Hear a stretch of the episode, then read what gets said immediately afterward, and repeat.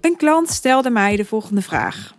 Suus, ik heb een nee gekregen van een potentiële klant en deze nee voelt voor mij echt anders dan een andere nee. Er zijn nee's waar ik helemaal oké mee ben en deze nee is echt waarvan ik denk, ja, ik vind het gewoon echt heel jammer en ik weet dat ik haar echt heel goed kan helpen en ik weet ook dat zij echt heel graag wil en en wat doe ik dan nu? Hè? Hoe ga ik dan nu om met die nee? Wat kan ik doen? Voor de duidelijkheid, hè, ik heb geen enkele klant die, die heel salesy of pushy wil zijn. Dus de onderliggende vraag is eigenlijk: zijn er nog mogelijkheden om deze klant te helpen om toch de stap te zetten? Hè, dus zo kun je dat framen voor jezelf. Het gaat er niet om dat je iemand in een ja duwt of zo. Nee, het gaat erom dat je iemand helpt een stap te zetten waarvan hij of zij ook heeft aangegeven die heel graag te willen zetten. Maar er is nog een, een belemmering, een obstakel, een bezwaar blijkbaar, waardoor iemand toch die stap niet zet. Dus de onderliggende vraag is dan eigenlijk: kan ik als ondernemer en als verkoper op dat moment nog iets doen om die klant te helpen, te begeleiden bij het zetten van die stap?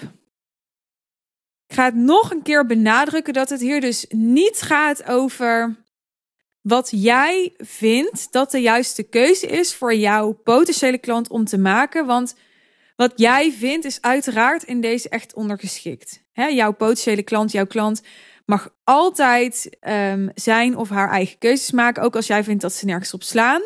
Of dat het geen slimme keuze is. Het is aan jou om dat eerlijk te zeggen, vind ik. Het is aan jou om jouw eerlijke visie te geven. Iemand komt niet bij jou in een call om niet te horen wat je echt vindt. That doesn't make sense als je het mij vraagt. Maar de andere kant is dat als je het gezegd hebt, de bal uiteraard helemaal bij hem of haar ligt en iemand op zijn eigen manier zijn eigen keuzes mag maken. En het niet aan jou is om daar een oordeel bij te hebben. dus daar wil ik mee aftrappen dat dat helder is, dat dat kader gezet is, gesteld is.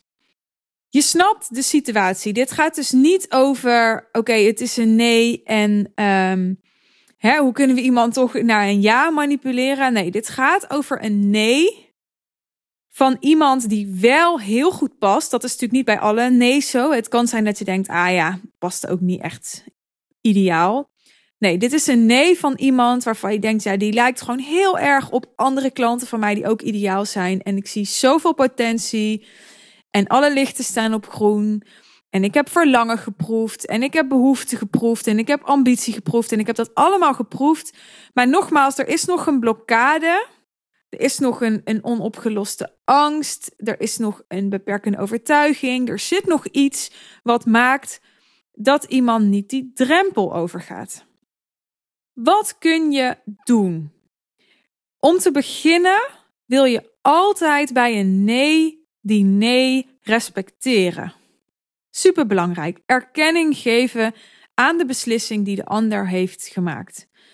Ook als het een ja is, is die erkenning belangrijk overigens, maar ook bij een nee. je staat al 10-0 achter en dat ga je waarschijnlijk niet meer inhalen als iemand nee heeft gezegd en jij gaat vervolgens direct in de ja, maar hè, je zei toch dat je het zo graag wilde. En ja, maar hè, nu geldt deze of deze bonus. Nou, vul het maar in, verzin het maar. Als je gelijk in een soort ja, maar houding gaat en aan die ander gaat trekken, gaat niet werken. Want dan is er geen veiligheid meer. Dan is de veiligheid weg. Iemand moet voelen: ik word gerespecteerd in de beslissingen die ik neem ook als iemand zelf weet dat het misschien niet de meest moedige beslissing is in zo'n situatie. Iemand wil niet veroordeeld worden om de beslissing die hij of zij neemt. Want zodra hij dat oordeel voelt, dan is die veiligheid weg. Dan is er niet voldoende ruimte meer om, om zijn of haar zelf te kunnen zijn. Dan is er niet voldoende ruimte meer om fouten te mogen maken, uh, geen moedige stappen te mogen zetten, uh, dingen te mogen doen die niet zo slim zijn. En dat is in de samenwerking ook nodig, die veiligheid. Hè, mensen moeten de ruimte voelen bij jou, de veiligheid voelen bij jou om fuck-ups te kunnen hebben. En dat begint hier al. De ervaring die ze in het verkoopproces hebben, die is al toonaangevend voor de veiligheid die ze de rest van de samenwerking ook zullen ervaren. Maar die samenwerking, daar gaat het uiteraard niet van komen als die veiligheid in het verkoopproces al verdwenen is. Dus die erkenning, heel belangrijk. En dan zijn er, zoals altijd als je verkoopt, hè, er is niet één weg naar Rome, er is ook niet een, een stappenplan met 1, 2, 3 moet je zeggen. Zo werkt het niet. Ik teach mijn klanten high-level sales. Daar heb ik ook een hele mooie dag voor, de High-Level Sales One Day Intensive. Check de omschrijving van deze episode als je daar meer over wil weten. Dit was het reclameblok. Ik teach mijn klanten high-level sales en dat is een hele gelaagde vaardigheid die heel erg draait om emotionele intelligentie, om het functioneren van ons brein, onze psychologie te leren kennen en daarop in te spelen.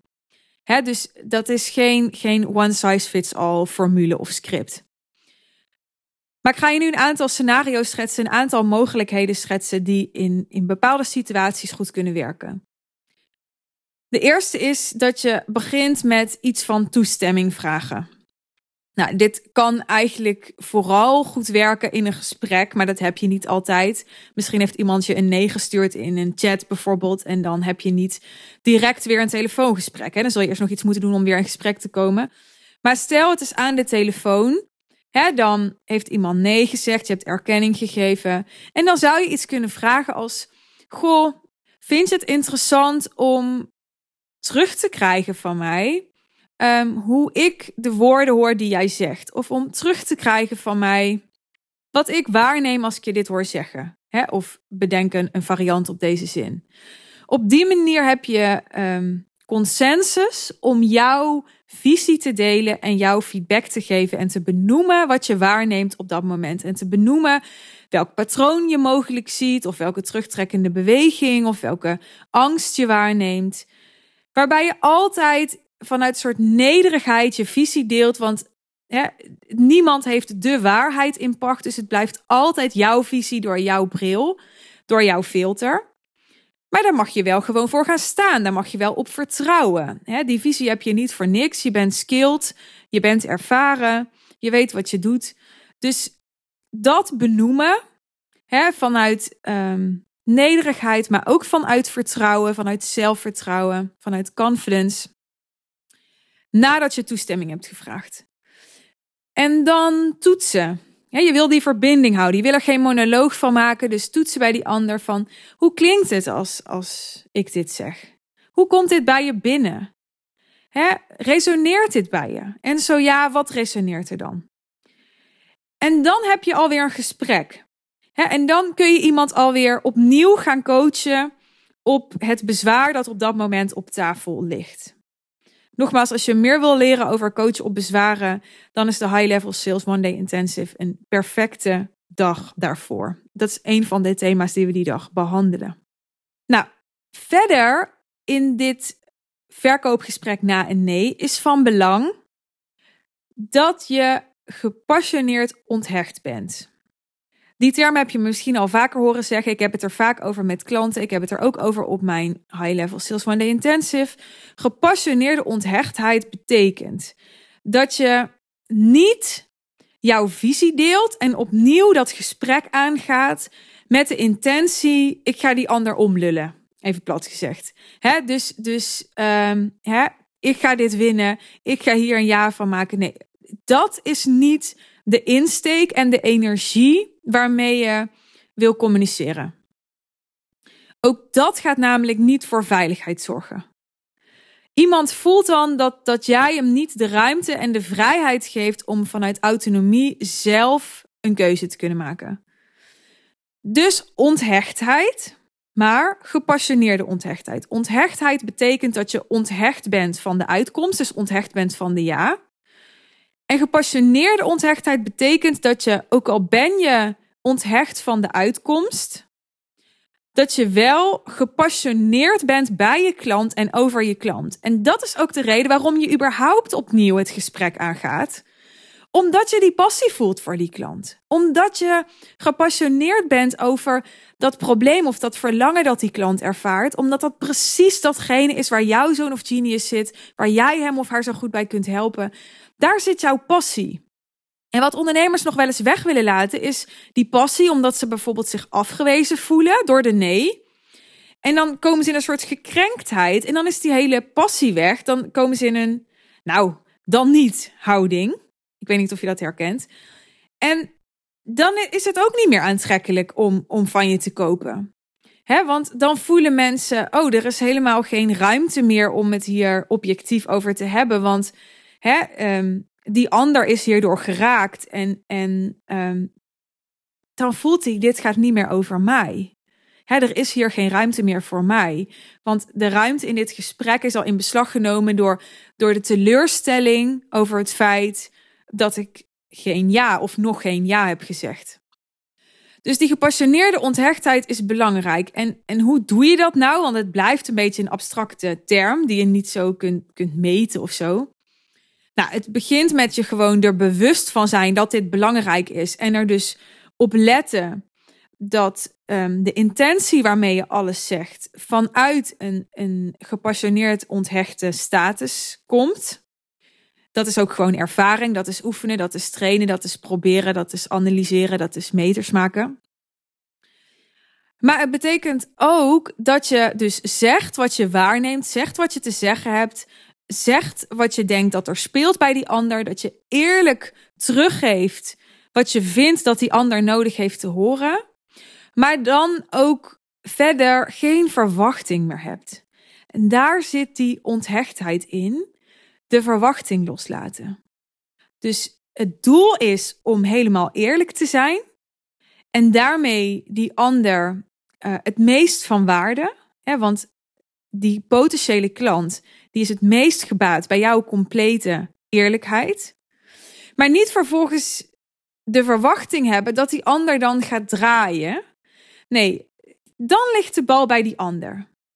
Hè? En dan is het zaak dat die ander, als die dat wil, een beweging gaat maken naar jou toe.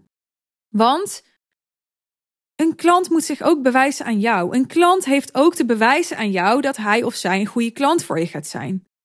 En als jij alleen maar moeite zit te doen in het verkoopproces, en die ander die, die wil helemaal niet een beweging naar jou maken. En daarmee hè, eigenlijk natuurlijk naar zichzelf. Een klant investeert in zichzelf via jou.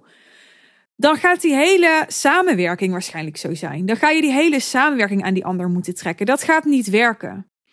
Hè, dus, dus je gaat niet trekken. Je gaat alleen zeggen wat er gezegd moet worden. En vervolgens maak je ruimte voor die ander Simpelweg door gewoon je mond te houden of daar het gesprek af te breken of naar een afronding toe te werken van het gesprek. Om een beweging naar jou te maken. En als die dan niet komt, dan heb je je daarbij neer te leggen en dan heb je dat te respecteren. En als die wel komt, dan, dan mag je heel trots zijn op jezelf, want dan heb je iemand echt geholpen zichzelf te overwinnen, een bepaalde angst te overwinnen, een bepaalde drempel te overwinnen. Niet vanuit pushen, niet vanuit um, druk, vanuit pressure. Dat is allemaal niet waar dit over gaat. Maar vanuit um, al heel lang mogelijk niet verder komen op een bepaald punt. Al heel lang ergens in stagneren. Al heel lang ergens een, een doorbraak in willen. Maar die niet echt krijgen. Dus blijven hangen in gekrabbel in de marge. En nu gaat iemand daadwerkelijk zeggen: Oké, nu is het genoeg. Hè? Iemand committeert zich, iemand doet een grote investering, iemand trekt daarmee voor zichzelf een grens. Of neemt daarmee een, een veel groter doel, een veel grotere ambitie serieus dan dat hij tot nu toe deed. En dat is een belangrijke grote stap voor je klant. En daar heb jij hem of haar bij begeleid. En, en daar mag je echt jezelf een schouderklopje voor geven. Want dat gaat helemaal niet over jou en dat jij een nieuwe klant hebt binnengehaald. Dat gaat echt over dat hier al de transformatie voor jouw klant begonnen is. Hier is de overwinning op hem of haarzelf al begonnen. En hier is dus ook de waarde al begonnen. High-level sales is een vaardigheid waarmee je jouw ideale klanten enorm van dienst bent. Ik ben benieuwd of je er wel eens mee te maken hebt. Dat allereerst. Zo'n nee waarvan je denkt: nee, kan toch niet waar zijn dit? Ik ben ook benieuwd hoe dat je daar dan mee omgaat. En misschien heb je de neiging om het dan toch heel makkelijk te laten lopen. Misschien, als je heel eerlijk bent, heb je de neiging om toch dan soms aan mensen te gaan trekken. En hoe helpt deze aflevering jou om daar vanaf nu net wat anders mee om te gaan en dus ook net wat meer succes in te hebben? Tof als je het aan me terugkoppelt. Ik ben oprecht benieuwd. Je kunt me bereiken via Insta. De link naar mijn Insta vind je in de omschrijving bij deze aflevering als je me daar nog niet volgt. En wil je persoonlijk met mij werken? Dan kun je naast dat je naar de High Level Sales One Day Intensive kunt komen op 16 maart, ook je call boeken met mij over mijn business traject The Real Deal. Daarin kan ik je persoonlijk begeleiden een heel jaar lang en is er nog veel meer voor je mogelijk. Wil je dat? Ga naar de omschrijving bij deze aflevering, klik op het linkje van The Real Deal en boek daar je call. Dankjewel voor het luisteren. Heel graag tot de volgende aflevering en heb een fantastische dag. Oh.